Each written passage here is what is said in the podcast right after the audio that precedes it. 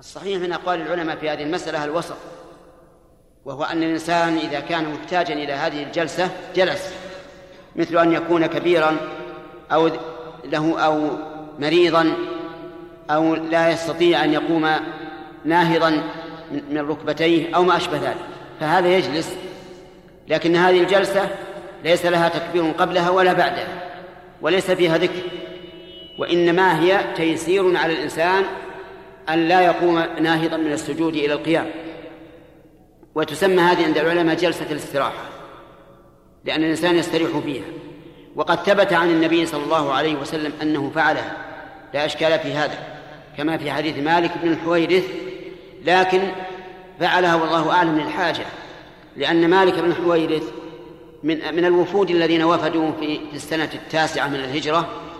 وكان النبي صلى الله عليه وسلم إذ ذاك قد أخذه اللحم. فلعله عليه الصلاة والسلام كان يستريح في هذا. ومعلوم أن العبادات وإن كانت محبوبة إلى الله عز وجل فإن الله تعالى يريد بنا اليسر وأن لا نشق على أنفسنا. ولهذا شرعت هذه الجلسة لمن كان يحتاج إليها. ثم يصلي الركعة الثانية كالركعة الأولى تماما. ثم يجلس للتشهد الأول وسيأتي إن شاء الله بقية الكلام على هذا الحديث. وما وما يليه من الأحاديث. نقل المؤلف رحمه الله تعالى في سياق الأحاديث في باب صفة الصلاة عن أبي حميد الساعدي رضي الله تعالى عنه قال رأيت رسول الله صلى الله عليه وسلم إذا كبر جعل يديه حذو منكبيه وإذا ركع أمكن يديه من ركبتيه ثم هصر ظهره فإذا رفع رأسه استوى حتى يعود كل فقار مكانه. فإذا سجد وضع يديه غير مفترش ولا قابضهما واستقبل بأطراف أصابع رجليه القبلة وإذا جلس في الركعتين جلس على رجله اليسرى ونصب اليمنى وإذا جلس في الركعة الأخيرة قدم رجله اليسرى ونصب الأخرى وقعد على مقعدته أخرجه البخاري بسم الله الرحمن الرحيم في هذا الحديث حديث أبي حميد الساعدي رضي الله عنه في صفة صلاة النبي صلى الله عليه وسلم أشياء لم نذكرها فيما سبق. منها رفع اليدين عند تكبيرة الإحرام. فإنه يسن أن يرفع يديه عند تكبيرة الإحرام. وقد ورد في ذلك ثلاث ثلاث صفات. الصفة الأولى أن يبتدئ رفع اليدين مع ابتداء التكبير. وينهيه بانتهائه. والثاني أن يرفع يديه أولا ثم يكبر. والثاني أن يرفع يديه أولا ثم يكبر. والثالثة أن يكبر أولا ثم يرفع يديه. وكل هذا جائز. وفيه أيضا في هذا الحديث أن النبي صلى الله عليه وعلى آله وسلم إذا ركع حصر ظهره. حصر ظهره يعني لم يقوسه. وإنما يحصره حتى يكون مساويا لرأسه. وهذا هو الأفضل والأكمل. وكان أيضا يمكن يديه من ركبتيه. يعني يضع اليدين على الركبتين. قال العلماء مفرجتي الأصابع حتى يتمكن أكثر. كأنه قابض على ركبتيه. ومنها أن أن التفريق بين التشهد الأول والأخير. ففي التشهد الأول يفترش يعني ينصب رجله اليمنى ويجلس على رجله اليسرى. وفي التشهد الأخير ينصب الرجل اليمنى ويخرج اليسرى من الجانب الأيسر ويمكن مقعدته من الأرض. وهذا في كل صلاة فيها تشهدان يكون التشهد الأخير على هذا الوضع ويسمى التورك وأما الثنائية كالفجر وصلاة الليل والسنن الرواتب والصلاة المقصورة في السفر فهذه ليس فيها تورك لأن التورك إنما هو في الثلاثية والرباعية في التشهد الأخير. وثمة صفة ثانية في التورك أن الإنسان يسند رجليه اليمنى واليسرى ويخرجهما من الجانب الأيمن. وفي أيضا ثالثة وهي أن يسدل رجله اليمنى ويدخل رجل أن يسدل رجله اليمنى ويدخل اليسرى بين الفخذ والساق. كل ذلك ورد عن النبي عليه الصلاة والسلام. فإذا فعل الإنسان هذا مرة وهذا مرة كان خيرا. وفيه أيضا أنه إذا رفع من الركوع استوى قائما يعني اعتدل واستقر حتى يعود كل فقار موضعه. خلافا لما يفعله بعض الناس الآن من حين يركع ويرفع يسجد بدون أن يستقر وهذا يبطل الصلاة. وبقي موضع ثاني يرفع يديه فيه وهو عند الركوع. يرفع يديه إلى حذو منكبيه أو إلى فروع أذنيه أو إلى شحمة أذنيه. وكذلك إذا رفع من الركوع رفع يديه. وإذا قام من التشهد الأول رفع يديه. وفيما سوى ذلك ليس فيه رفع لليدين فلا يرفع عند السجود ولا عند الرفع من السجود ولا عند الجلوس بين السجدتين. والحديث الذي ورد في ذلك حديث ضعيف فيه انقلاب على الراوي وهو أن الرسول كان يكبر يرفع يديه في كل خفض ورفع والصواب أنه يكبر في كل خفض ورفع. أما رفع اليدين فلا يكون إلا في أربعة مواضع عند تكبيرة الإحرام وعند الركوع وعند الرفع منه وعند القيام من التشهد الأول. والله موفق. الذي يضع رجلا على رجل في عهد السجود أخل بركن من أركان الصلاة فلا تصح صلاته لأن الركن لا بد أن يقوم به الإنسان. وكذلك بعض الناس أيضا يرفع رجله في السجود ويستمر رافعا لها. هذا أيضا لا يصح سجوده وإذا لم يصح سجوده لم تصح صلاته. نقل المؤلف رحمه الله تعالى في سياق الأحاديث في باب صفة الصلاة. عن أبي هريرة رضي الله عنه قال كان رسول الله صلى الله عليه وسلم إذا كبر للصلاة سكت هنيهة قبل أن يقرأ. فسألته فقال أقول اللهم باعد بيني وبين خطاياي كما باعدت بين المشرق والمغرب. اللهم نقني من خطاياي كما ينقى الثوب الأبيض من الدنس. اللهم اغسلني من خطاياي بالماء والثلج والبرد. متفق عليه.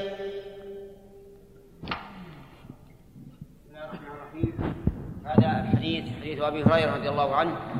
ساقه المؤلف في باب صفة الصلاة وفيه ما بيان ما يقوله الإنسان في استفتاح الصلاة.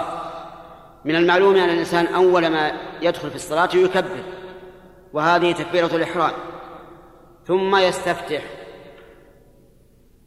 والاستفتاح جاءت فيه أنواع عن النبي صلى الله عليه وعلى آله وسلم. فأي نوع استفتحت به أدركت السنة. لكن الأفضل أن الإنسان يستفتح بهذا مرة وبهذا مرة إذا كان يعرف ذلك. فمن دعاء الاستفتاح حديث ما ذكره أبو هريرة رضي الله عنه. قال كان النبي صلى الله عليه وسلم إذا كبر للصلاة سكت هنيها يعني سكوتا قليلا قبل أن يقرأ. فقال له أبو هريرة رضي الله عنه بأبي أنت وأمي يا رسول الله. ماذا تقول بين التكبير والقراءة؟ فقال أقول اللهم باعد بيني وبين خطاياي كما باعدت بين المشرق والمغرب. اللهم نقني من خطاياي كما ينقى الثوب الأبيض من الدنس. اللهم اغسلني من خطاياي بالماء والثلج والبرد. ففي هذا الحديث فوائد. منها حرص الصحابة رضي الله عنهم على معرفة الحق والعلم. ولهذا سأل أبو هريرة النبي صلى الله عليه وسلم ماذا يقول؟ ومنها جواز قول الإنسان في حق الرسول عليه الصلاة والسلام بأبي أنت وأمي أو بأبي هو وأمي. يعني أفديك بأبي وأمي فأنت أحب إلي من أبي وأمي وأقدمك فداء وأقدم أبي وأمي فداء لك. ومن المعلوم أنه يجب فداء النبي صلى الله عليه وعلى آله وسلم بالنفس والأم والأب والولد البنت والذكر. لأنه عليه الصلاة والسلام أحق الناس حقا عليه. ومن فوائد هذا الحديث فقه الصحابة رضي الله عنهم. فها هو أبو هريرة أسلم سنة سبع من الهجرة. ومع ذلك كان عنده هذا الفقه حيث قال أرأيت سكوتك ما بين بين التكبير والقراءة؟ ما تقول. ففهم رضي الله عنه أنه لا يمكن أن يكون في الصلاة سكوت ليس فيه ليس فيه ذكر. لا بد أن يقول شيئا ولكنه لا لا يجهر به. هو لم يقل أرأيت سكوت أرأيت سكوتك بين التكبير والقراءة؟ ما هو؟ قال ما تقول. وهو يدل على أنه كان يعلم أنه يقول شيئا لكنه أسر به. وهذا من فقه الصحابة رضي الله عنهم وهو أن الصلاة ليس فيها سكوت. كلها ذكر من أولها إلى آخرها. إما قرآن وإما ثناء على الله وإما دعاء وإما تسبيح. كلها ذكر. ومن فوائد هذا الحديث أن السكوت يطلق على عدم الجهر بالقول. حيث قال أرأيت سكوتك؟ مع أنه ما سكت. يدعو الله. لكن عدم الجهر بالقول يطلق عليه السكوت. ومنها حرص النبي صلى الله عليه وسلم على تعليم الأمة وعلى تواضعه عليه الصلاة والسلام. فإنه من حين أن سأله أبو هريرة أجاب. لما في ذلك من نشر العلم. ومنها بيان بطلان قول من قال من العلماء إن الرسول عليه الصلاة والسلام يجهر بالذكر عقب الصلاة من أجل التعليم من أجل تعليم الناس هذا الذكر. فيقال إن النبي صلى الله عليه وسلم لا يمكن أن يخالف ما يرى أنه الحق من أجل التعليم لأنه بإمكانه أن يعلم بدون أن يجهر. ولهذا كان لا يجهر بالاستفتاح حيث إن السنة فيه السر. فقول من قال من العلماء رحمهم الله إنه إن الذكر بعد الصلاة الأفضل فيه الإسرار وأن الرسول عليه الصلاة والسلام كان يجهر بذلك ليعلم الناس. الرسول يعلم الناس بدون أن يجهر به. يقول للناس قولوا كذا وكذا بل قد قال لهم. لما شكى إليه فقراء الأنصار أن الأغنياء سبقوهم أرشدهم النبي عليه الصلاة والسلام أن يقولوا سبحان الله والحمد لله والله أكبر ثلاثة وثلاثين دبر كل صلاة. لكن مشكلة الإنسان مهما بلغ من العلم أنه إذا اعتقد شيئا حاول أن يؤول النصوص على وجه مستكره من أجل أن يوافق ما كان يراه. وهذه محنة ابتلي بها كثير من العلماء. تجدهم يرون قولا من الأقوال فتأتي السنة على خلافه فيذهب يؤولها تأويلا مستكرها لا يقبل. من أجل أن يبقى على إيش؟ على رأي. وهذا غلط عظيم. النصوص يجب أن تكون متبوعة لا تابعة. يعني لا يجوز لك أن تجر النصوص إلى رأيك بل يجب أن تتبع رأيك النصوص وأن تجعل رأيك تابعا للنصوص. ومن فوائد هذا الحديث وهو قوله عليه الصلاة والسلام اللهم باعد بيني وبين خطاياي إلى آخره إشارة إلى أن إلى أن الرسل عليهم الصلاة والسلام قد يقع منهم الخطأ. ولكنهم معصومون من الاستمرار في الخطأ. وهذا هو الفرق بينهم وبين وبين أممهم. الأمم غير معصومين من من الإقرار على الخطأ. قد يخطئ الإنسان ويبقى على خطئه فلا يمن الله عليه بعلم ولا يمن عليه بهداية لكن الرسل عليهم الصلاة والسلام وإن وقع منهم الخطأ فإن مرجعهم إلى التوبة أن يتوب الله عليهم. ولهذا نوح عليه الصلاة والسلام سأل الله تعالى أن ينجي ابنه من الغرق. فماذا قال الله له؟ قال له إنه ليس من أهلك إنه عمل غير صالح فلا تسألني ما ليس لك به علم إني أعظك أن تكون من الجاهلين. فاستغفر نوح عليه الصلاة والسلام ربه. قال ربي إني أعوذ بك أن أسألك ما ليس لي به علم وإلا تغفر لي وترحمني أكن من الخاسرين. فقول الرسول اللهم باعد بيني وبين خطاياي صريح أنه قد يخطئ عليه الصلاة والسلام لكنه لا يمكن أن يتعمد البقاء والاستمرار على الخطيئة لا بد أن يتوب. ثم إن غالب ما ما كان فيه الخطأ من رسول الله عليه الصلاة والسلام كله صادر عن اجتهاد. اجتهاد لكنه أخطأ فيه. مثل قوله تعالى عفى الله عنك لما أذنت لهم حتى يتبين لك الذين صدقوا وتعلم الكاذبين. الله عاتب على هذا أن يأذن لهؤلاء المنافقين قبل أن يعلم حقيقتهم. قال عفى الله عنك. ولكن انظر إلى اللطف في مخاطبة الرسول عليه الصلاة والسلام. أول ما بدأ بإيش؟ بالعفو عن عن الخطيئة. قال عفى الله عنك لما أذنت لهم حتى يتبين لك الذين صدقوا وتعلم الكاذبين. وقال عز وجل يا أيها النبي لم تحرم ما أحل الله لك تبتغي الله أزواجه والله غفور رحيم. فغفر الله له. لكن بين له أن هذا لا يليق. أن يحرم ما أحل الله له ابتغاء مرضات أزواجه. فالحاصل أن الرسل عليهم الصلاة والسلام قد يقع منهم الخطأ لكن إذا وقع الخطأ فغالبه عن اجتهاد ينبههم الله عليه وإذا لم يكن عن اجتهاد فإنه لا بد أن يغفر الله لهم ويسر لهم التوبة.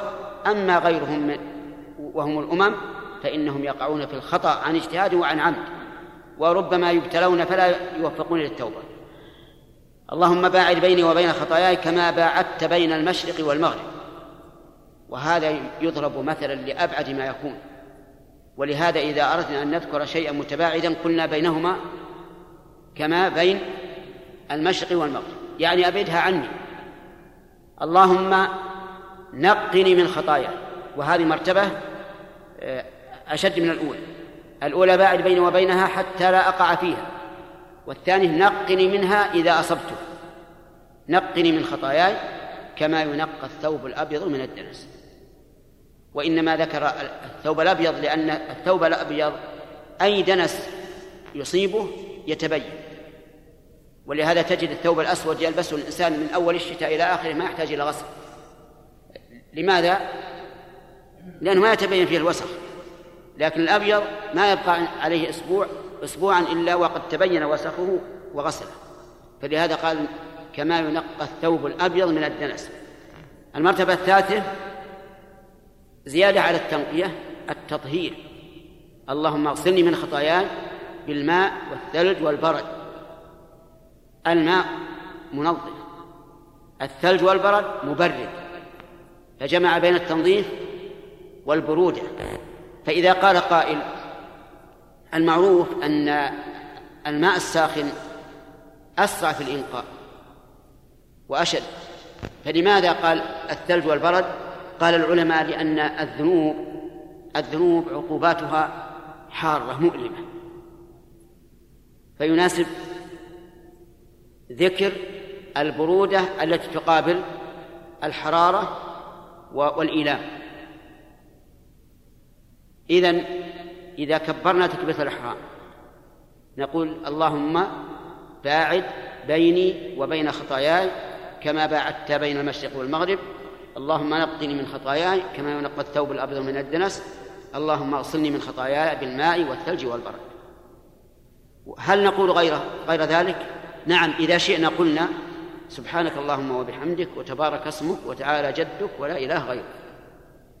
لكن الأفضل أن أن تبادل بينهم. أحيانا تقول هذا وأحيانا تقول هذا إحياء للسنتين جميعا. والله الموفق نقل المؤلف رحمه الله تعالى في سياق الأحاديث في باب صفة الصلاة عن أبي سعيد الخدري رضي الله عنه مرفوعا عند الخمسة وفيه وكان يقول بعد التكبير أعوذ بالله السميع العليم من الشيطان الرجيم من همزه ونفخه ونفثه. وعن عائشة رضي الله عنها قالت كان رسول الله صلى الله عليه وسلم يستفتح الصلاة بالتكبير والقراءة بالحمد لله رب العالمين وكان إذا ركع لم يشخص رأسه ولم يصوبه ولكن بين ذلك وكان إذا رفع من الركوع لم يسجد حتى يستوي قائما وكان إذا رفع رأسه من السجدة لم يسجد حتى يستوي جالسا.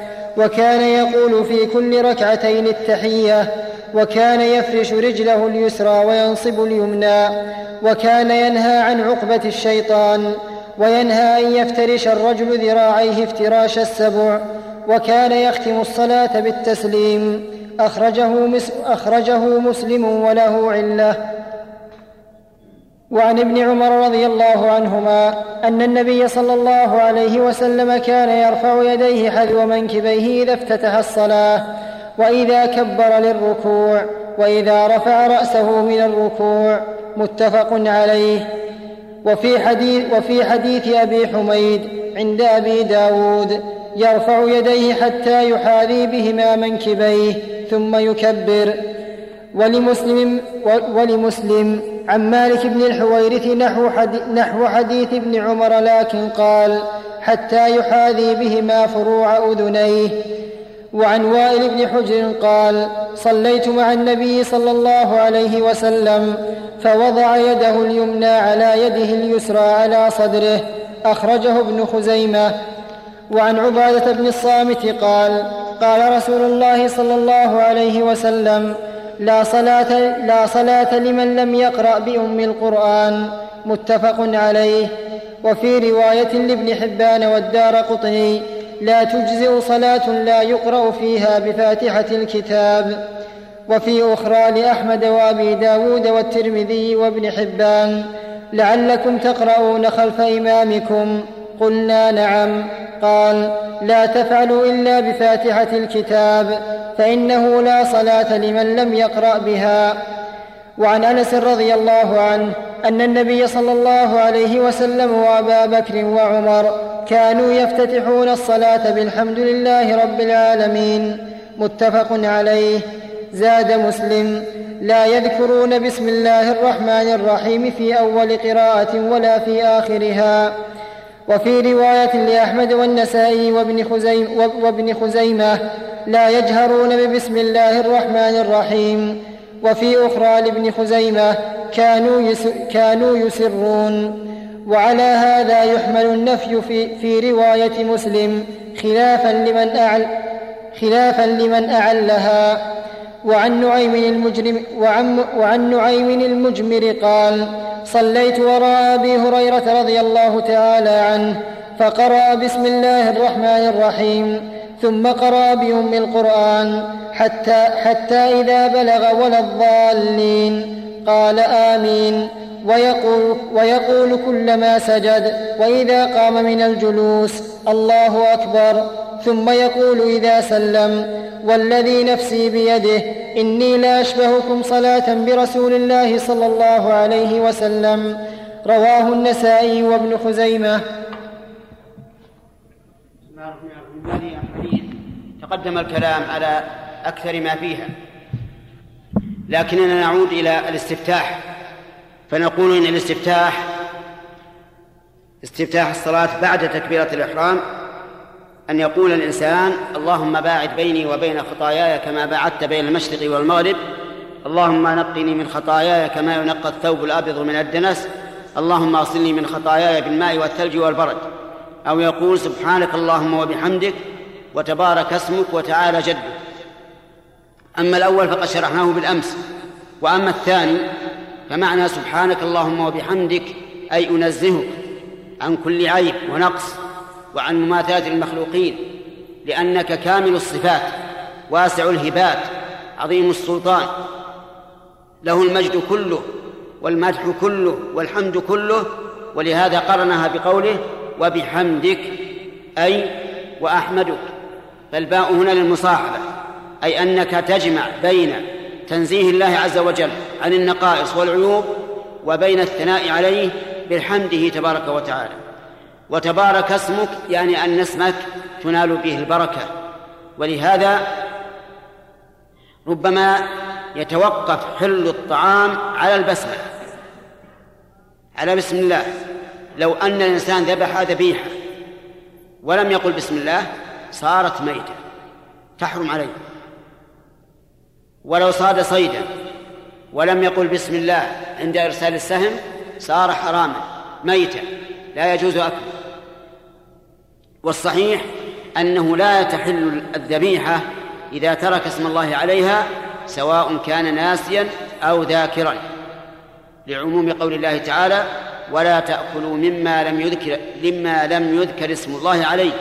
وإنه لفسق وهذا نهي أن يأكل الإنسان من كل شيء لم يذكر اسم الله عليه. لكن لو أكل الآكل وهو لا يدري أسمي الله عليه أم لا والذابح مسلم فإنه لا حرج عليه. لأن عائشة رضي الله عنها ذكرت أن قوما أتوا إلى رسول الله صلى الله عليه وسلم فقالوا إن قوما يأتوننا باللحم لا ندري أذكر اسم الله عليه أم لا؟ قال سموا أنتم وكلوا. قالت وكانوا حديث عهد بكفر. ومنها أي من آثار اسم الله عز وجل ونزل البركة به أن الإنسان إذا سمى على أكله امتنع الشيطان من مشاركته وإذا لم يسمي شاركه الشيطان في أكله. ولهذا نقول إن القول الراجح أن التسمية على الأكل والشرب واجبة. وأنه لا يحل للإنسان أن يأكل بلا تسمية ولا أن يشرب بلا تسمية. فإن نسي وذكر في أثناء الطعام أو الشراب قال بسم الله أوله وآخره. وإن نسي حتى خلص فقد قال الله تعالى ربنا لا تؤاخذنا إن نسينا أو أخطأنا. ومن ذلك أن التسمية على الوضوء أكمل وأفضل مما لو ترك التسمية. بل قال بعض العلماء إن التسمية على الوضوء واجبة والصحيح أنها ليست واجبة لكنها سنة. إنما هي تعطي الوضوء كمالا كل هذا من, آثار قوله وتبارك اسمك. ومن ذلك أن الإنسان إذا أتى أهله وقال بسم الله اللهم جنبنا الشيطان وجنب الشيطان ما رزقتنا ثم يقدر الله بينهما ولد ذكر وأنثى فإن الشيطان لا يضر. وكل هذا من كون اسم الله تعالى مباركا. وعلى كل حال اسم الله تعالى مبارك. تحل به البركة وتنزع البركة مما إذا لم يسمى الله على الشيء. وقد روي عن النبي عليه الصلاة والسلام كل أمر ذي بال لا يبدأ فيه ببسم الله فهو أبتر أي ناقص البركة. وهذا الحديث اختلف علماء الحديث في تصحيحه فمنهم من حسنه ومنهم من صححه ومنهم من ضعفه لكن لا شك أن البسملة أمر مهم. و وكل ذلك من بركة اسم الله تبارك وتعالى. وتعالى جدك أي تعالت عظمتك. فالجد هنا بمعنى العظمة والسلطان. وليس الجد الذي هو أبو الأب أو الأم لأن لأن الله تعالى لم يلد ولم يولد. لكن تعالى جدك أي تعالى تعالت عظمتك وسلطانك. فهو سبحانه وتعالى عظيم العظمة عظيم السلطان عظيم الغنى عظيم الجود والكرم. وتعالى جدك ولا إله غيره أي لا إله حق سواك. فكل الآلهة التي تعبد من دون الله كلها باطلة اللات والعزى ومنات وهبل وبوذا وغيرها من الأصنام كلها باطلة. الإله الحق من؟ هو الله. ولا إله غيره. كل ما يوجد في, في, في الأرض. ويقال إنه إله فإنه باطل. ذلك بأن الله هو الحق وأن ما يدعون من دونه الباطل وأن الله هو العلي الكبير. حتى من عبد من عبد الأنبياء أو عبد الملائكة فإنه عبدهم على وجه باطل. لا إله إلا الله لا إله غيره. حتى المسيح عيسى بن مريم عبده من عبده من الناس ولكنه عبادة باطلة. وكل هذه الآلهة إذا كان يوم القيامة فإنها تلقى في جهنم إذلالا لعابديها حتى لو كانت من الأحجار. الحجر لا يعذب لكن إهانة لعابديها تلقى في نار جهنم. كما قال الله تبارك وتعالى إنكم وما تعبدون من دون الله حصب جهنم أنتم لها واردون. لو كان هؤلاء آلهة ما وردوها لأنجوا أنفسهم لكنهم ليسوا آلهة. لو كان هؤلاء آلهة ما وردوها وكل فيها خالدون لهم فيها زفير وهم فيها لا يسمعون. ولما نزلت هذه الآية فرح المشركون بها. وقالوا للرسول عليه الصلاة والسلام أنت تزعم أن آلهتنا تحصب في النار تلقى في النار وتطرح. وعيسى بن مريم يعبد من دون الله. أيطرح في النار؟ قال الله تبارك وتعالى ما ضربوه لك إلا جدلا بل هم قوم خصمون. فأنزل الله تعالى بعد بعد هذه الآية أي بعد قوله وكل فيها خالدون لهم فيها زفير وهم فيها لا يسمعون. أنزل الله بعدها إن الذين سبقت لهم منا الحسنى أولئك عنها مبعدون لا يسمعون حسيسها وهم فيما اشتهت أنفسهم خالدون لا يحسنهم الفزع الأكبر وتتلقاهم الملائكة هذا يومكم الذي كنتم توعدون جعلنا الله وإياكم منهم. ففي هذه الآية دفع دعوى هؤلاء المشركين لأن عيسى بن مريم عليه الصلاة والسلام ممن سبقت له من الله الحسنى هو أحد الرسل الخمسة الذين هم أولو العزم. فأولو العزم من الرسل هم خمسة نوح وإبراهيم وموسى وعيسى ومحمد عليهم الصلاة والسلام. وأفضلهم محمد ثم إبراهيم ثم موسى. وعيسى ونوح في درجة واحدة. موسى سبقه آه، نوح نوح وعيسى في درجة واحدة. نوح سبقه بالرسالة وبمعاناة قومه لبث فيهم ألف سنة إلا خمسين عام وعيسى بن مريم أيضا سبقه بالإيذاء التام. حتى أن اليهود عليهم لعائن الله إلى يوم القيامة قالوا إن مريم لا إله إلا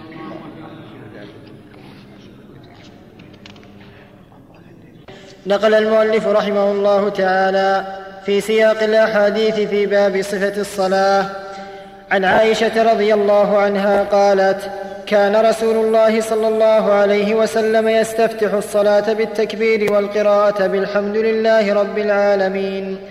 وكان إذا ركع لم يشخص رأسه ولم يصوبه ولكن بين ذلك وكان إذا رفع من الركوع لم يسجد حتى يستوي قائما وكان إذا رفع رأسه من السجدة لم يسجد حتى يستوي جالسا.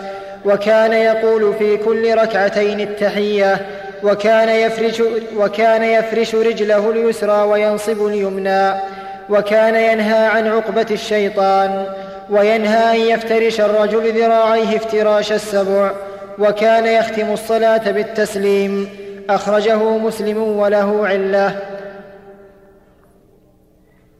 وعن وائل بن حجر قال صليت مع النبي صلى الله عليه وسلم فوضع يده اليمنى على يده اليسرى على صدره أخرجه ابن خزيمة.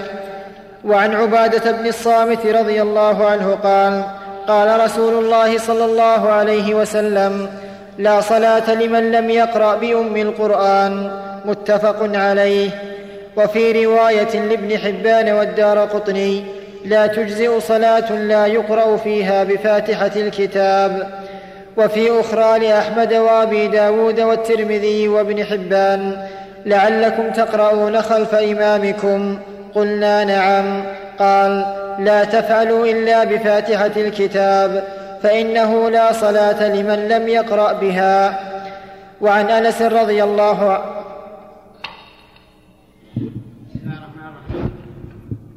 ذكر المؤلف رحمه الله حديث عائشة في صفة صلاة النبي صلى الله عليه وعلى آله وسلم وقد تقدم الكلام على أكثر فقراته. لكن بقي فقرة أو فقرتان منها قوله قولها رضي الله عنها وكان ينهى عن عقبة الشيطان. وعقبة الشيطان هي الإقعاء. وأضافها للشيطان لأنها من أمره فإن الشيطان يأمر بالفحشاء وهي أن يجلس الإنسان على اليتيه وينصب ساقيه ويضع يديه على الأرض. فإن هذا يشبه إقعاء الكلب. والإنسان منهي أن يفعل مثل أفعال البهائم لا في الصلاة ولا في غيرها. وقد قال النبي صلى الله عليه وعلى آله وسلم ليس لنا مثل السوء. الذي يعود في هبته كالكلب يقيء ثم يعود في قيئه. فكل تش... فالتشبه بالحيوان في كل شيء من الأمور المنهي عنها لأن الله تعالى فضل بني آدم على كثير ممن خلق وكرم الله بني آدم فحملهم في البر والبحر. فلا ينبغي الإنسان أن ينزل بنفسه حتى يكون كالحيوان. وكان وفي أيضا حديث عائشة وكان يختم الصلاة بالتسليم. يعني أنه إذا انتهى من صلاته ختمها بالتسليم فيقول السلام عليكم ورحمة الله من اليمين السلام عليكم ورحمة الله من اليسار. واختلف العلماء رحمهم الله في التسليم هل هو ركن أو واجب أو سنة أو إطلاق من محظور والظاهر أنه سنة والظاهر أنه ركن. فافتتاح الصلاة بالتكبير ركن واختتامها بالتسليم ركن. وعلى هذا القول هل كلتا التسليمتين ركن أو التسليمة الأولى؟ أيضا فيه خلاف.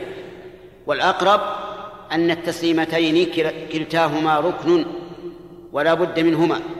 وبناء على ذلك ينبغي للإنسان مع الإمام أن لا يسلم إلا إذا سلم الإمام التسليمتين جميعا. يعني بعض الناس إذا سلم الإمام الأولى على اليمين سلمه على اليمين ثم إذا سلم الإمام على اليسار سلمه عن اليسار. هذا وإن كان جائزا لكن الأفضل ألا تسلم حتى يسلم حتى يتم الإمام التسليمتين جميعا. كذلك أيضا بعض الناس إذا فاتهم شيء من من الصلاة وقام وسلم الإمام التسليمة الأولى قام ليقضي ما فاته. وهذا غلط. لا تقم لقضاء ما فاتك حتى يسلم الإمام التسليمة الثانية.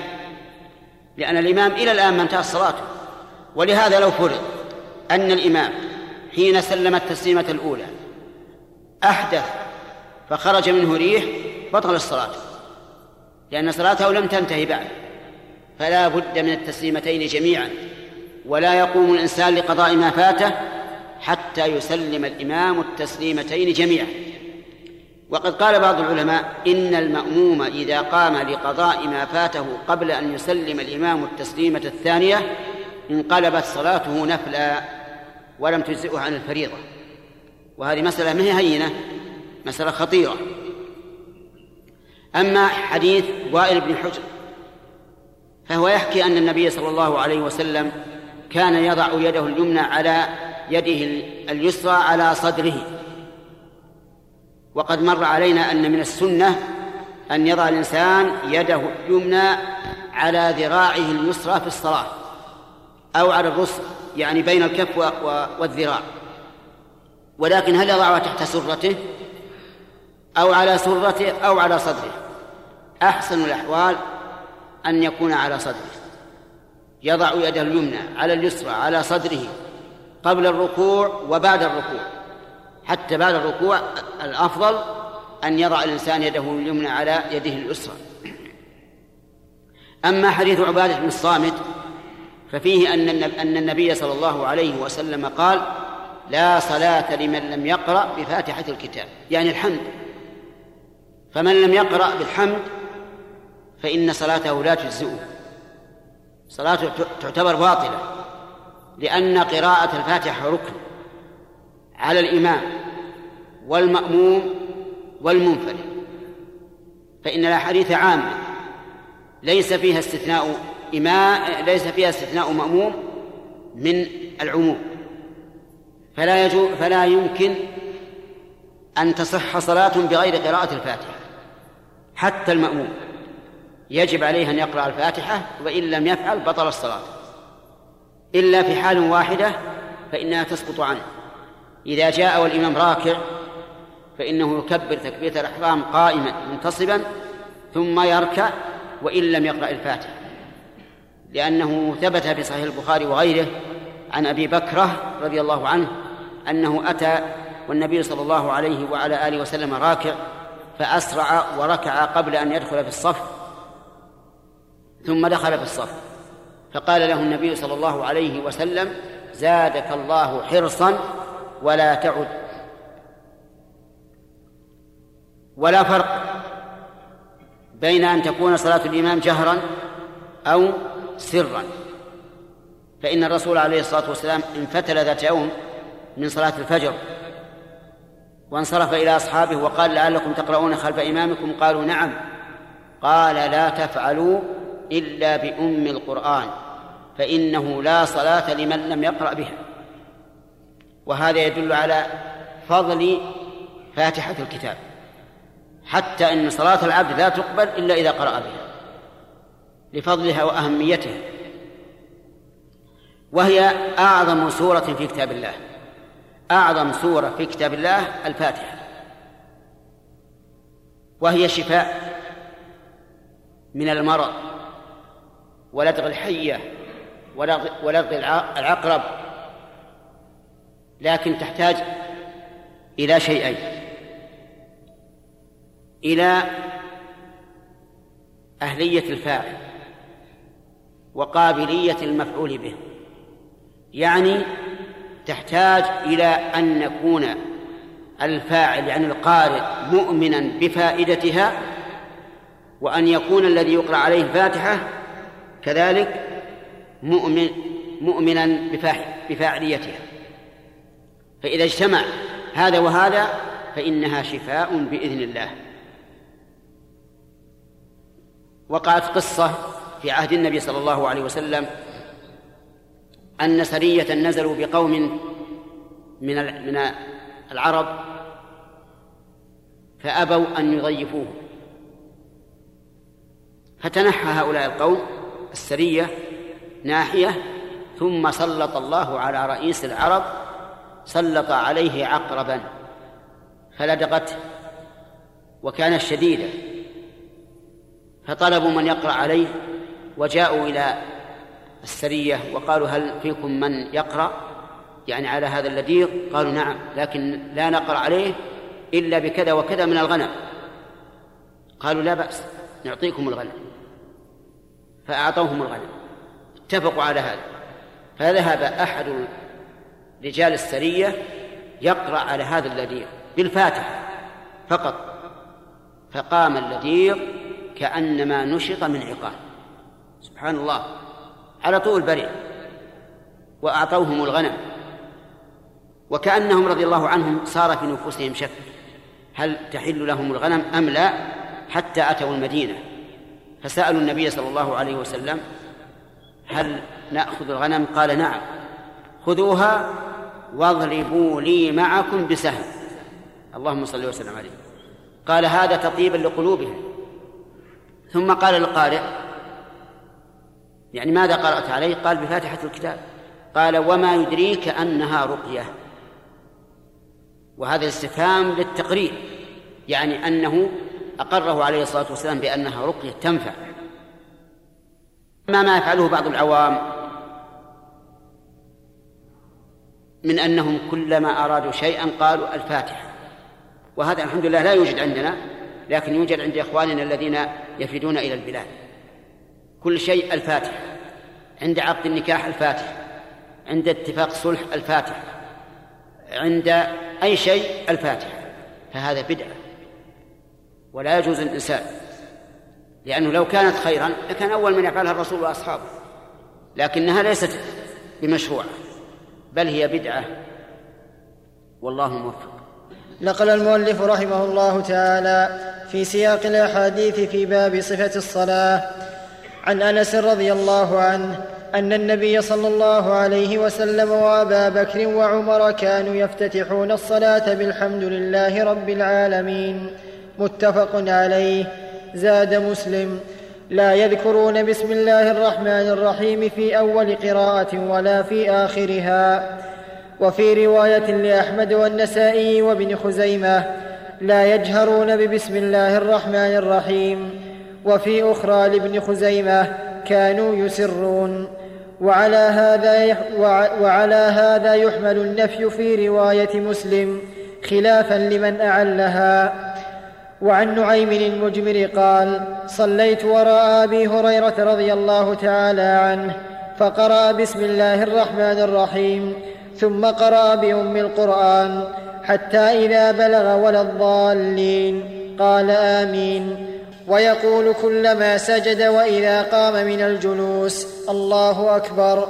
ثم يقول إذا سلم والذي نفسي بيده إني لاشبهكم صلاة برسول الله صلى الله عليه وسلم. رواه النسائي وابن خزيمة. وعن أبي هريرة رضي الله عنه قال قال رسول الله صلى الله عليه وسلم إذا قرأتم الفاتحة فاقرأوا بسم الله الرحمن الرحيم فإنها إحدى آياتها. رواه الدار قطني رواه الدار قطني وصوب وقفه. وعنه قال كان رسول الله صلى الله عليه وسلم إذا فرغ من قراءة أم القرآن رفع صوته وقال آمين. رواه الدار قطني وحسنه والحاكم وصححه. ولأبي داود والترمذي من حديث وائل بن حجر نحوه. وعن عبد الله بن أبي أوفى رضي الله عنه قال جاء رجل إلى النبي صلى الله عليه وسلم فقال إني لا أستطيع أن آخذ من القرآن شيئا فعلمني ما يجزئني منه. فقال قل سبحان الله والحمد لله ولا إله إلا الله والله أكبر ولا حول ولا قوة إلا بالله العلي العظيم.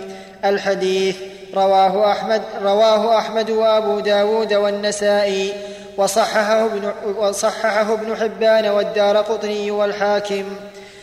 وعن أبي قتادة رضي الله عنه قال كان رسول الله صلى الله عليه وسلم يصلي بنا فيقرأ في الظهر والعصر في الركعتين الأوليين بفاتحة الكتاب وسورتين ويسمعنا الآية أحيانا ويطول الركعة الأولى ويقرأ في الأخريين بفاتحة الكتاب. متفق عليه.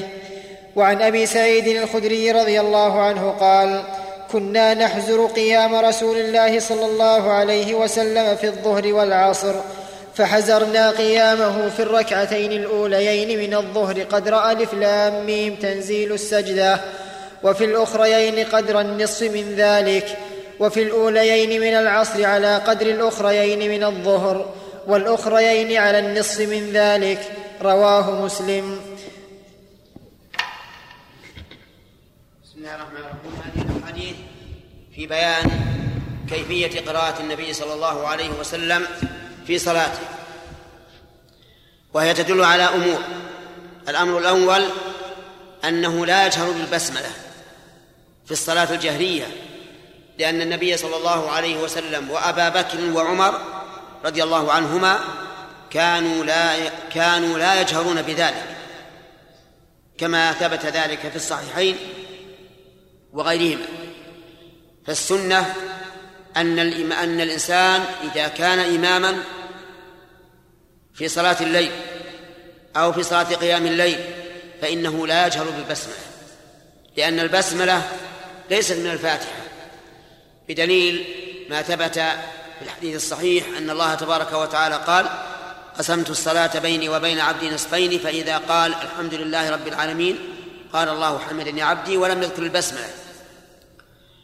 وما ورد من الأحاديث مما يدل على أنها على أنها من الفاتحة وأنه يجهر بها فهو ضعيف. بالنسبة للأحاديث الصحيحة الدالة على أنها ليست منها وأنه لا يجهر بها. لكن لو جهر بها الإنسان فإنه لا ينكر عليه. كما قال بعض أهل العلم لأن هذا مما يسوغ فيه الاجتهاد ولكن الأفضل أن يسر بالبسملة ولو في الصلاة الجهرية. ومما دلت عليه هذه الأحاديث الجهر بآمين. أن الإنسان إذا انتهى من الفاتحة يقول آمين ويجهر بها إذا كان يجهر بالفاتحة كصلاة المغرب والعشاء والفجر وقيام الليل وما أشبه ذلك. فإنه يجهر بها. وحديثها وحديث الجهر بآمين صحيح. فلا ينبغي تركه ولا الإنكار على من جهر وإنما يتوجه الإنكار على من أسر بقول آمين لأنها ثبتت بها الأحاديث عن النبي صلى الله عليه وسلم على وجه يحتج به. ومنها مما دلت عليه هذه الأحاديث أنه ينبغي أن يقرأ في الركعتين الأوليين بسورة مع الفاتحة في الظهر والعصر. وأما الركعتان الباقيتان فإنه لا يزيد فيها فيهما على الفاتحة. كما دل على ذلك حديث أبي قتادة رضي الله عنه وهو في الصحيحين. وقد ضبط المسألة. قال كان يقرأ بكذا وكان يقرأ بالفاتحة. نقل المؤلف رحمه الله تعالى في سياق الأحاديث في باب صفة الصلاة. عن سليمان بن يسار قال كان فلان يطيل الأوليين من الظهر ويخفف العصر ويقرأ في المغرب بقصار المفصل وفي العشاء بوسطه وفي الصبح بطواله. فقال أبو هريرة ما صليت وراء أحد أشبه صلاة برسول الله صلى الله عليه وسلم من هذا. أخرجه النسائي بإسناد صحيح. وعن جبير بن مطعم رضي الله عنه قال سمعت رسول الله صلى الله عليه وسلم يقرأ في المغرب بالطور متفق عليه. وعن أبي هريرة رضي الله عنه قال كان رسول الله صلى الله عليه وسلم يقرأ في صلاة الفجر يوم الجمعة ألف لام ميم تنزيل السجدة. وهل أتى على الإنسان؟ متفق عليه. وللطبراني وللطبراني من حديث من حديث ابن مسعود. يديم ذلك. وعن حذي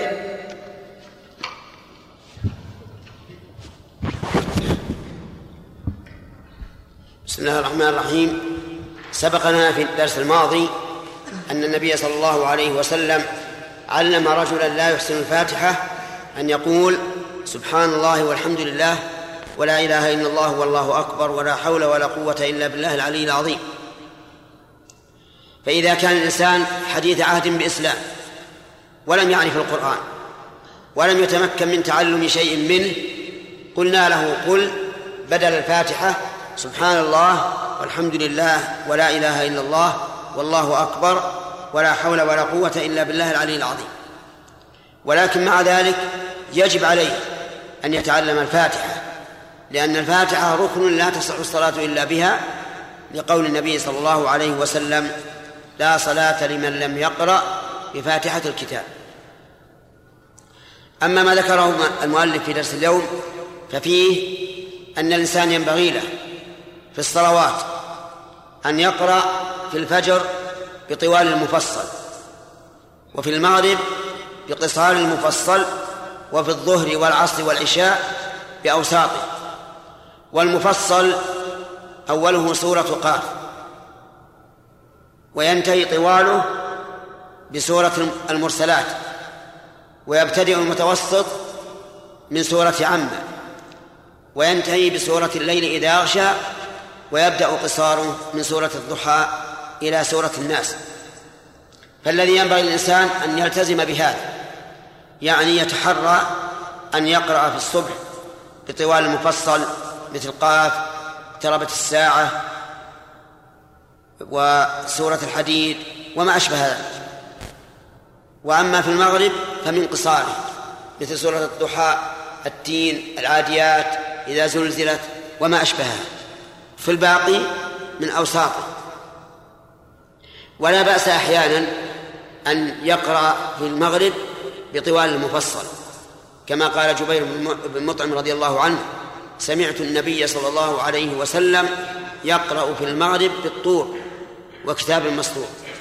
وهذه من توالي المفصل لكن النبي صلى الله عليه وعلى آله وسلم يفعل ذلك أحيانا لا دائما ولا كثيرا بل أحيانا. وفي سماع جوير بن مطعم لهذه السورة حل الإيمان في قلبه. يقول إني سمعته يقرأ حتى بلغ قول الله تعالى أم خلقوا من غير شيء أم هم الخالقون. يقول فكاد قلبي يطير. من شدة وقع هذه السورة هذه الآية في قلبه. حتى دخل الإيمان في قلبه فآمن رضي الله عنه. لأن هذه الآية حجة واضحة على أن الله وحده هو الخالق. لأن لأن الله يقول هل خلق هؤلاء من غير خالق؟ أم هم الذين خلقوا أنفسهم؟ والجواب لا هذا ولا هذا. بل هم خلقوا من من خالق هو الله عز وجل. هو الذي خلقهم تبارك وتعالى. وفي هذه في درسنا اليوم ما يفيد أن الإنسان ينبغي له في قراءة الفجر يوم الجمعة أن يقرأ في السورة الأولى بألف لام ميم تنزيل السجدة. وفي السورة الثانية هل أتى على الإنسان حين من الدهر؟ فقد كان النبي صلى الله عليه وسلم يقرأ بهما في صلاة الفجر يوم الجمعة. ويديم ذلك. لكنه ليس على سبيل الوجوب بل هذا هو الأفضل. وما يفعله بعض الأئمة من كونهم يقسمون الإف لام تنزيل السجدة قسمين نصفها للركعة الأولى ونصفها للثانية هذا خطأ عظيم. هذا تشطير للسنة ومخالفة للسنة وبدعة في دين الله والعياذ بالله. لكن هؤلاء جهال ويجب أن يعلموا ويبل ويبين لهم أن هذا خطأ. كذلك بعض الناس يقتصر على هل أتى على الإنسان حين من الدهر لم يكن شيئا مذكورا. وهذا كالأول. يقال إما أن تقرأ السورتين كما قرأهما النبي صلى الله عليه وسلم وإما أن تقرأ في غيرهما. ويوجد أيضا بعض الناس يقرأ في صلاة الفجر يوم الجمعة شيئا من الكهف وهذا أيضا غلط. لم يرد عن النبي صلى الله عليه وسلم. وإنما ورد عنه عليه الصلاة والسلام الترغيب في قراءة سورة الكهف في يوم الجمعة لا في صلاة الفجر ولا في صلاة الجمعة. ومن العوام يعني الأئمة العوام من يقرأ في صلاة الفجر سورة الجمعة وسورة المنافقين. وهذا أيضا جهل وغلط لأن النبي صلى الله عليه وسلم كان يقرأ بهما في صلاة الجمعة لا في فجر. الحمد لله رب العالمين والصلاة والسلام على نبينا محمد وعلى آله وصحبه أجمعين. نقل المؤلف رحمه الله تعالى في سياق الأحاديث في, في صفة الصلاة. عن حذيفة رضي الله عنه قال صليت مع النبي صلى الله عليه وسلم فما مرت به آية رحمة إلا وقف عندها يسأل ولا آية عذاب إلا تعوذ منها. اخرجه الخمسه وحسنه الترمذي. وعن ابن عباس رضي الله عنهما قال قال رسول الله صلى الله عليه وسلم ألا وإني نهيت أن أقرأ القرآن راكعا أو ساجد. ألا وإني نهيت أن أقرأ القرآن راكعا أو ساجدا. فأما الركوع فعظموا فيه الرب وأما السجود فاجتهدوا في الدعاء فقمن أن يستجاب لكم. رواه مسلم.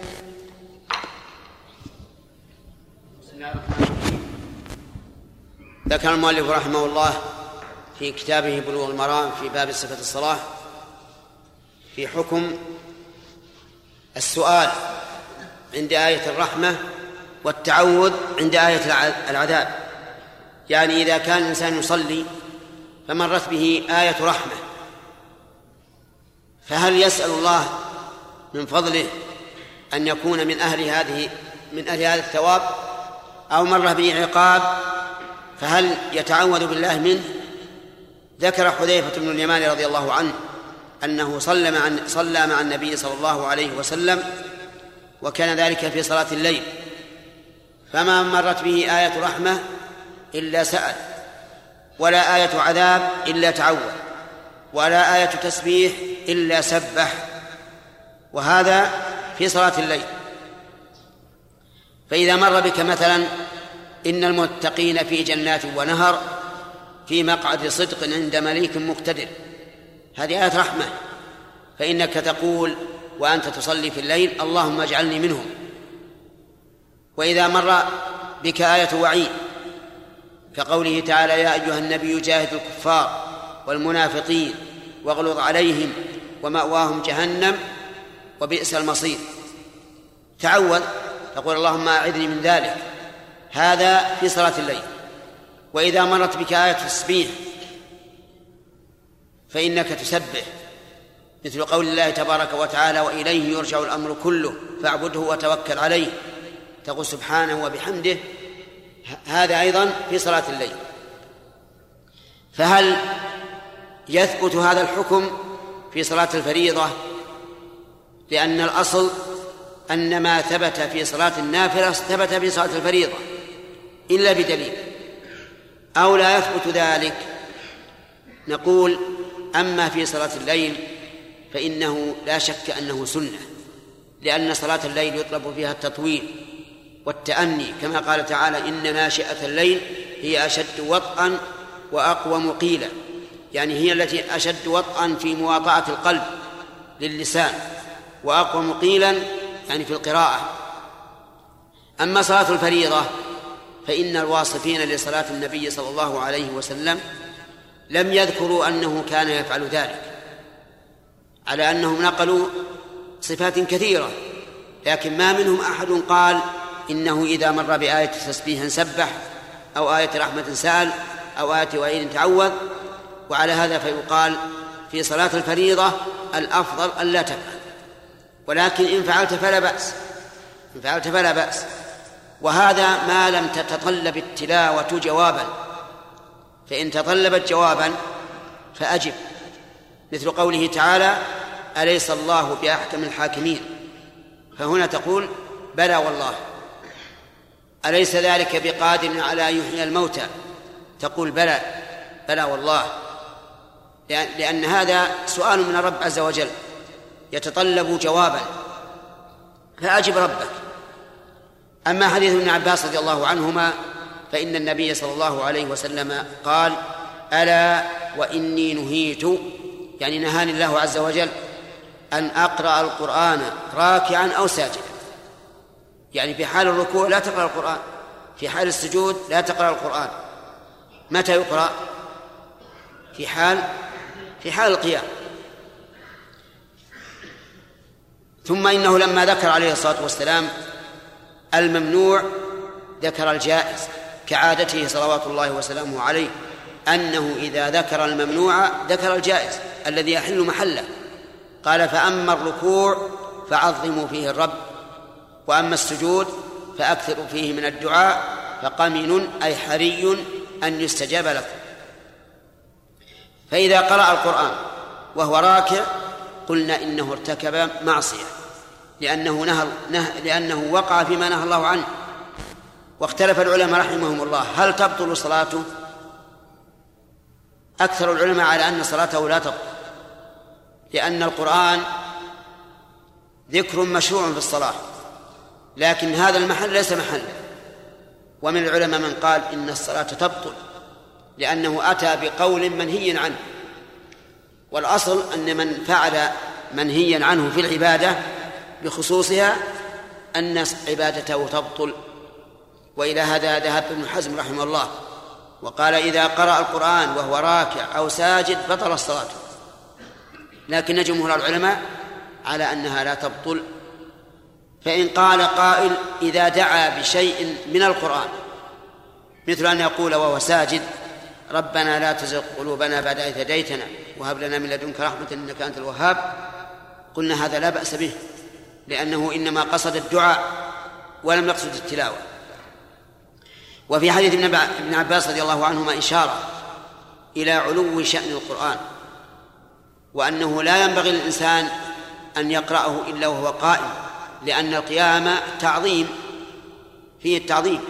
ولهذا إذا دخل الرجل المعظم عند الناس قاموا له إكراما وإجلالا فكان محل القرآن هو القيام أما الركوع والسجود فلا. وفيه أيضا الإشارة إلى أن الإنسان يكرر التعظيم لله عز وجل في حال الركوع لأن هيئته هيئة المعظم فينبغي أن يكون قوله أيضا قول معظم فيكثر من سبحان رب العظيم سبحان رب العظيم لو قالها ألف مرة. ما دام ما دام بسم الله الرحمن الرحيم. الحمد لله رب العالمين والصلاة والسلام على نبينا محمد وعلى آله وصحبه أجمعين. نقل المؤلف رحمه الله تعالى في سياق الأحاديث في باب صفة الصلاة. عن عائشة رضي الله عنها قالت كان رسول الله صلى الله عليه وسلم يقول في ركوعه وسجوده سبحانك اللهم ربنا وبحمدك اللهم اغفر لي متفق عليه. وعن أبي هريرة رضي الله عنه قال كان رسول الله صلى الله عليه وسلم إذا قام إلى الصلاة يكبر حين يقوم ثم يكبر حين يركع ثم يقول سمع الله لمن حمده حين يرفع صلبه من الركوع ثم يقول وهو قائم ربنا ولك الحمد. ثم يكبر حين يهوي ساجدا. ثم يكبر حين يرفع رأسه. ثم يكبر حين يسجد. ثم يكبر حين يرفع. ثم يفعل ذلك في الصلاة كلها. ويكبر حين يقوم من اثنتين بعد الجلوس. متفق عليه. وعن أبي سعيد الخدري رضي الله عنه قال كان رسول الله صلى الله عليه وسلم إذا رفع رأسه من الركوع قال اللهم ربنا لك الحمد ملء السماوات والأرض وملء ما شئت من شيء بعد أهل الثناء والمجد أحق ما قال العبد وكلنا لك عبد اللهم لا مانع لما أعطيت ولا معطي لما منعت ولا ينفع ذا الجد منك الجد. رواه مسلم. الرحيم.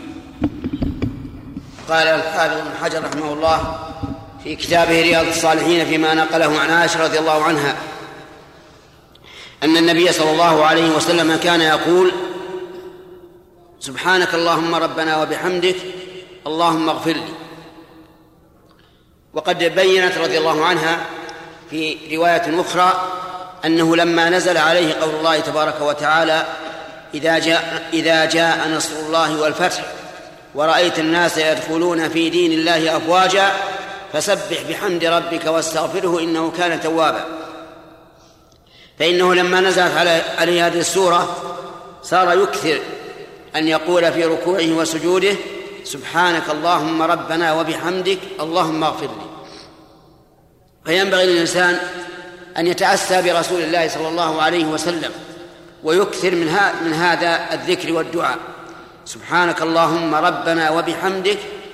هذا ثناء وتنزيه لله سبحانه وتعالى. اللهم اغفر لي هذا دعاء. وهذا مطابق لقوله تعالى فسبح بحمد ربك واستغفره. وظاهر الحديث أنه يقول ذلك في الركوع والسجود. وعلى هذا فيكون الركوع يمكن يعني فيكون في الركوع دعاء أحيانا لأن أصل الركوع أنه يعظم فيه الرب. لكن هذا الدعاء الوارد عن النبي عليه الصلاة والسلام مستثنى. فينبغي للإنسان أن يحرص عليه. أما حديث أبي هريرة ففيه بيان التكبيرات تكبيرات الانتقال. وذلك أن التكبيرات ثلاثة أنواع. نوع ركن ونوع واجب ونوع سنة. أما الركن فهو تكبيرة الإحرام فهي ركن لا تنعقد الصلاة إلا بها. لو أن الإنسان مثلا وقف في الصف ثم نسي فاستعاذ بالله من الشيطان الرجيم وقرأ الفاتحة دون أن يكبر الإحرام فصلاته لم تنعقد لأن تكبيرة الإحرام ركن لا تنعقد الصلاة إلا به. وأما السنة فقال العلماء إذا أدرك الإنسان الإمام راكعا كبر تكبيرة الإحرام قائما ثم ركع. تكبيره للركوع هنا سنة. إن شاء كبر وإن شاء لم يكبر. الرحمن الرحيم. الحمد لله رب العالمين والصلاة والسلام على نبينا محمد وعلى آله وصحبه أجمعين. نقل المؤلف رحمه الله تعالى في سياق الأحاديث في باب صفة الصلاة. عن ابن عباس رضي الله عنهما قال قال رسول الله صلى الله عليه وسلم أمرت أن أسجد على سبعة أعظم على الجبهة وأشار بيده إلى أنفه واليدين والركبتين وأطراف القدمين متفق عليه. وعن ابن بحينة أن رسول الله صلى الله عليه وسلم كان إذا صلى وسجد فرج بين يديه حتى يبدو بياض إبطيه. متفق عليه. الله الرحمن الرحيم. قال الحافظ ابن حجر رحمه الله في كتابه بلوغ المرام فيما ساقه من الأحاديث عن النبي صلى الله عليه وسلم في صفة الصلاة. فنقل عن عبد الله بن عباس رضي الله عنهما أن النبي صلى الله عليه وسلم قال أمرت أن أسجد على سبعة أعظم على الجبهة وأشار بيده إلى أنفه والكفين والركبتين وأطراف القدمين. أمرت أي أمره الله عز وجل لأن النبي صلى الله عليه وسلم عبد عبد مأمور يأمره الله تعالى وينهاه. فقد سبق أنه قال عليه الصلاة والسلام ألا وإني نهيت أن أقرأ القرآن راكعا وساجدا والذي نهاه هو الله. وهنا يقول أمرت أن أسجد والذي أمره هو الله. فالنبي عليه الصلاة والسلام عبد مأمور ولكنه صلوات الله وسلامه عليه أقوم الناس بعبادة الله وأقومهم بشكر الله حتى إنه يقوم من الليل ويقف طويلا حتى تتورم قدماه من طول القيام صلوات الله وسلامه عليه. فيقال له في ذلك فيقول أفلا أكون عبدا شكورا. أمرت أن أسجد على سبعه أعظم على الجبهة وأشار بيده إلى انفه إشارة إلى أن الأنف جزء من من الجبهة وأنه يجب السجود عليه. والكفين وأطراف والركبتين وأطراف القدمين يعني الأصابع. فهذه سبعة أعظم لا بد من السجود عليها. فمن سجد ورفع جبهته فإن سجوده لا يصح. ومن سجد ورفع أنفه فإن سجوده لا يصح. ومن سجد ورفع كفه فإن سجوده لا يصح. ومن سجد ورفع رجله فإن سجوده لا يصح. أما لو رفع بعض عضو مثل أن يرفع شيئا من أصابعه والكف على الأرض لكن رفع أصبعه السبابة أو الخنصر أو الإبهام فإن ذلك لا يمنع من صحة السجود. وكذلك لو رفع أطراف أصابعه غير إبهامه فإن سجوده صحيح لكن الأفضل أن يجعل جميع الأصابع تمس الأرض في حال السجود. وظاهر قوله عليه الصلاة والسلام الكفين أن السجود عليهما صحيح سواء سجد على ظهورهما أو على بطونهما. فلو سجد على ظهر الكف فالسجود صحيح لكنه خلاف السنة. وكذلك القدمان لا بد أن يسجد عليهما وهما مستقيمتان حتى يكون أطراف القدمين على الأرض.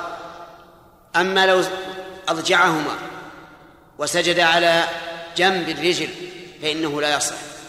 لا بد أن يسجد على أطراف القدمين كما قال ذلك النبي صلى الله عليه وعلى آله وسلم.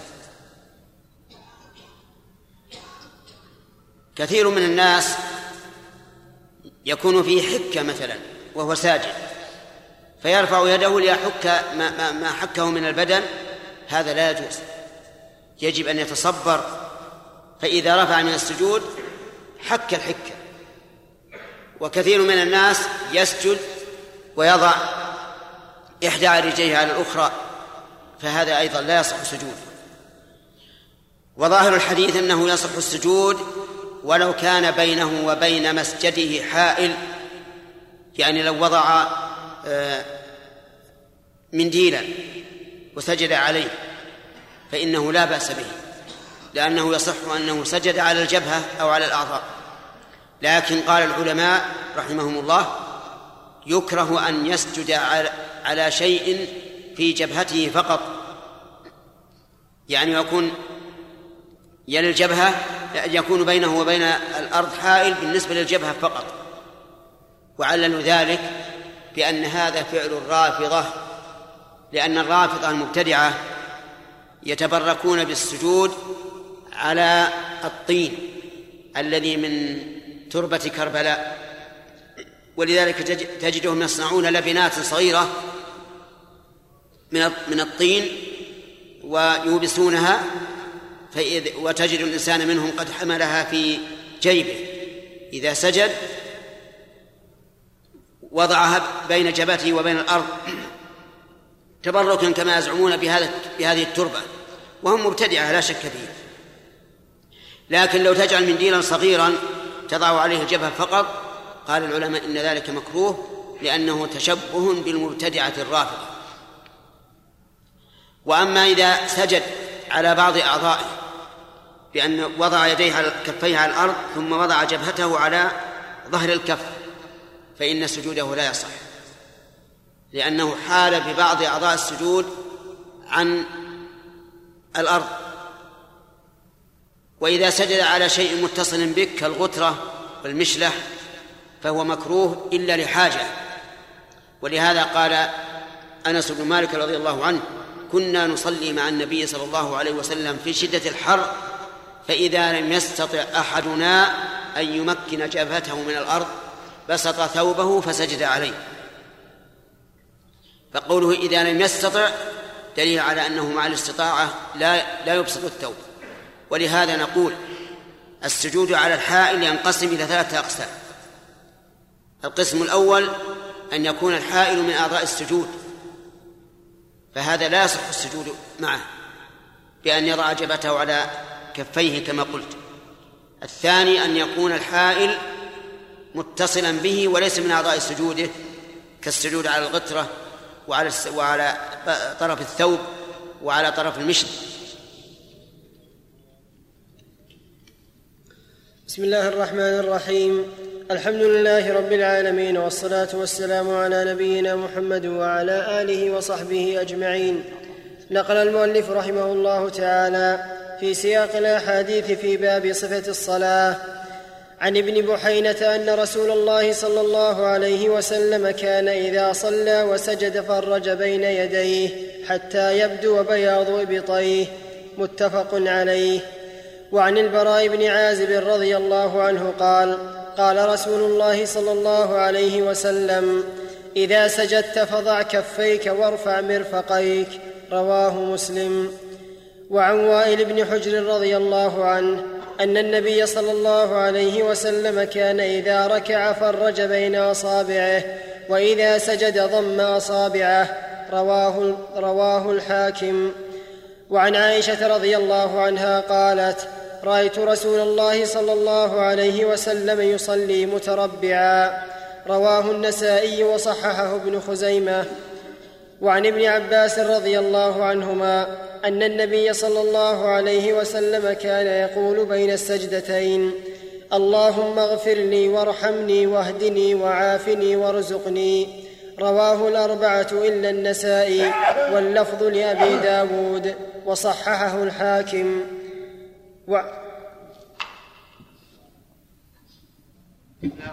هذه أحاديث ببيان كيفية السجود وبيان ما يقوله بين السجدتين. أما الأول فحديث عبد الله بن بحين رضي الله عنه أن النبي صلى الله عليه وسلم كان إذا سجد فرج بين يديه بين يديه حتى بين يديه حتى يبدو بياض إبطيه والحديث الذي بعده أنه أنه أمر بوضع الكف على الأرض وإقامة الذراعين. وعلى هذا فيكون السجود تضع كفك على الأرض وترفع مرفقيك عن الأرض وتفرج عن جنبيك حتى يبدو بياض الإبط. وهذا في من كان يلبس الرداء لأن الرداء إذا فرجت بين يديك تبين بياض الإبطين. وأما ألبستنا الآن فلا يمكن أن يبدو البياض لأنها مستور لأنه مستور. وهذا التفريج سنة وليس بواجب. وإذا ولكن إذا كان يتأذى منه من كان إلى جنبك في الصلاة فلا تفعل لأن الناس في حال الجماعة في حال صلاة الجماعة يصف بعضهم إلى جنب بعض والمشروع أن يتراصوا. فإذا كان كذلك فإن تفريج اليدين عند السجود يؤذي من كان إلى جنبك. ومعلوم أن الإنسان لا ينبغي له أن يؤذي غيره لفعل سنة. السنة إذا كان فيها أذية لغيرك فلا تفعلها ولكن لا تضع مرفقيك على الأرض. لأن النبي صلى الله عليه وسلم نهى عن ذلك. أن يفترش الإنسان ذراعيه في السجود افتراش السبع. ولكن أقمهما بدون أن تجافيهما إذا كان حولك من يتأذى بالمجافاة. أما ما يقوله بين السجدتين فهو يقول رب اغفر لي وارحمني وعافني واهدني وارزقني. هكذا كان النبي عليه الصلاة والسلام يسأل الله المغفرة وهي العفو عن الذنب وستره عن العباد. فالمغفرة تتضمن شيئين أولا ستر الذنب عن الناس. والثاني التجاوز عن عن العقاب عليه. أما الرحمة فهي حصول المطلوب أن يرحمك الله سبحانه وتعالى ويدخلك في رحمته وبالمغفرة والرحمة تزول المكروهات وتحصل المحبوبات لأن المغفرة رفع العقاب على الذنوب والرحمة جلب المنافع والخيرات.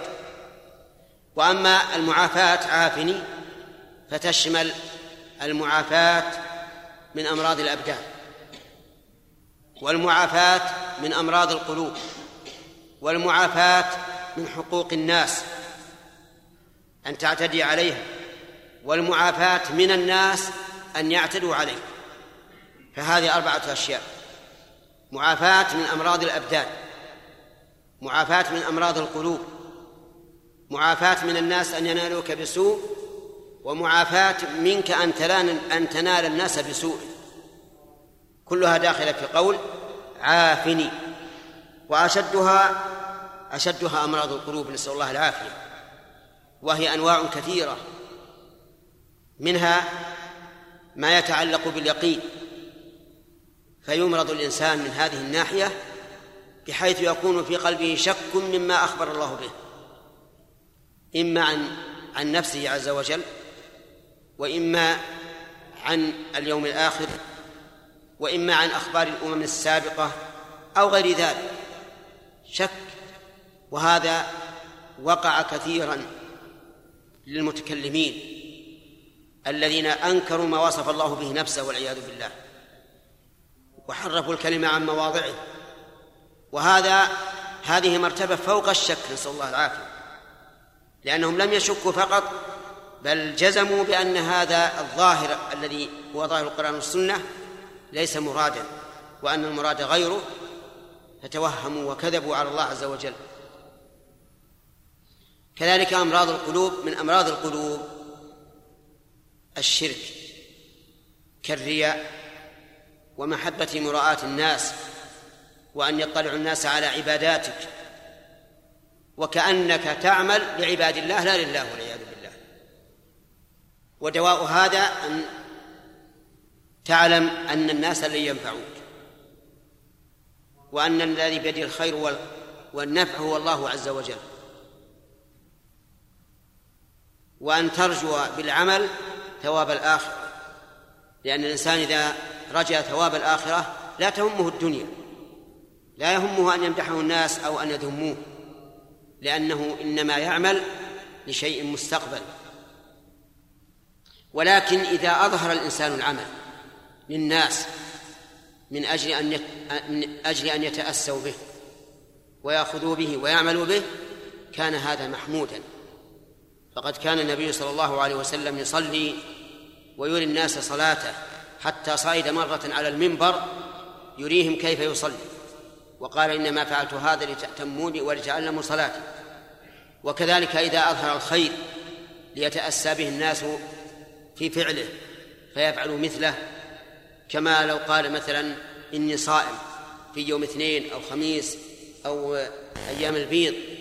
قال إني صائم لا من أجل أن يطلع الناس على صيامه ولكن من أجل أن يشجع إخوانه على الصيام.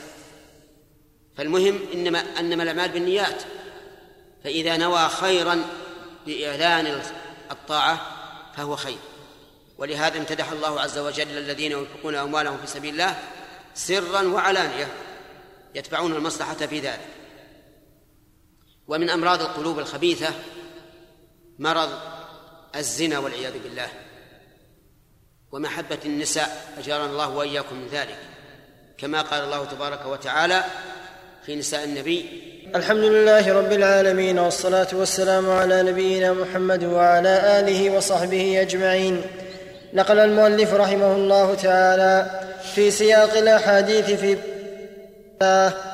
عن ابن عباس رضي الله عنهما أن النبي صلى الله عليه وسلم كان يقول بين السجدتين اللهم اغفر لي وارحمني واهدني وعافني وارزقني. رواه الأربعة إلا النسائي واللفظ لأبي داود وصححه الحاكم. وعن مالك بن الحويرث رضي الله عنه أنه رأى النبي صلى الله عليه وسلم يصلي فإذا كان في وتر من صلاته لم ينهض حتى يستوي قاعدا. رواه البخاري. وعن أنس رضي الله بسم الله الرحمن الرحيم. سبق لنا الكلام على بعض حديث عبد الله بن عباس رضي الله عنهما فيما يقوله النبي صلى الله عليه وسلم بين السجدتين. كان يقول رب اغفر لي وارحمني وعافني واهدني وارزقني. سبق الكلام على رب اغفر لي وارحمني وعافني. وأما قول اهدني فمعناه دلني على الحق ووفقني لاتباعه. لأن الإنسان الذي لا يكون على حق تارة يكون السبب الجهل بحيث لا يعرف الحق. وتارة يكون السبب العناد والاستكبار فهو يعلم الحق ولكنه لا يريده والعياذ بالله. والثاني أشد يعني الذي لا الذي يعلم الحق ولا يريده أشد من الذي لا يعلم الحق ولا يفعله. لأن الأول شيمته شيمة اليهود والعياذ بالله. علموا الحق ولم يتبعوه. والثاني شيمته شيمة النصارى أرادوا الحق ولم يوفقوا له. ولهذا قال سفيان بن عيينة رحمه الله من فسد من عبادنا ففيه شبه من النصارى ومن فسد من علمائنا ففيه شبه من اليهود. لأن العالم يفسد بعد العلم بالحق ولكنه لا يريده أعاذنا الله وإياكم من ذلك. وأما العابد فهو حريص على العبادة يريدها لكنه لا يعرفها فيعبد الله على جهل. كما يفعل كما فعل النصارى قبل بعثة النبي صلى الله عليه وسلم. فأنت تقول اللهم اهدني وش معنى اهدني؟ يعني دلني على الخير. ووفقني لاتباعه فأنت تسأل شيئين الأول الدلالة على الخير والثاني التوفيق لاتباعه.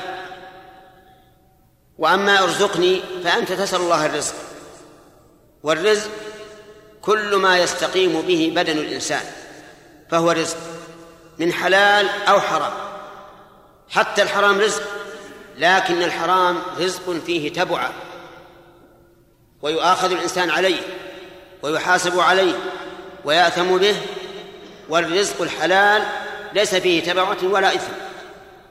قال السفارين السفارين رحمه الله في عقيدته والرزق ما ينفع من حلال وضده فحل عن المحال.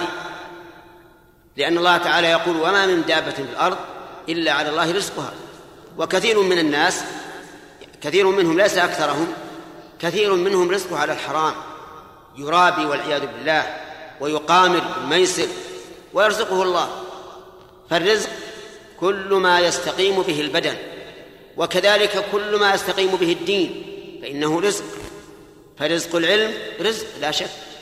والعلم إذا وفق الله الإنسان له فهو أفضل من المال لأن العلم نور يهتدي به الإنسان ويهدي الله به غيره والمال ينتفع به الإنسان وربما ينتفع به غيره لكن العلم أفضل بكثير من المال.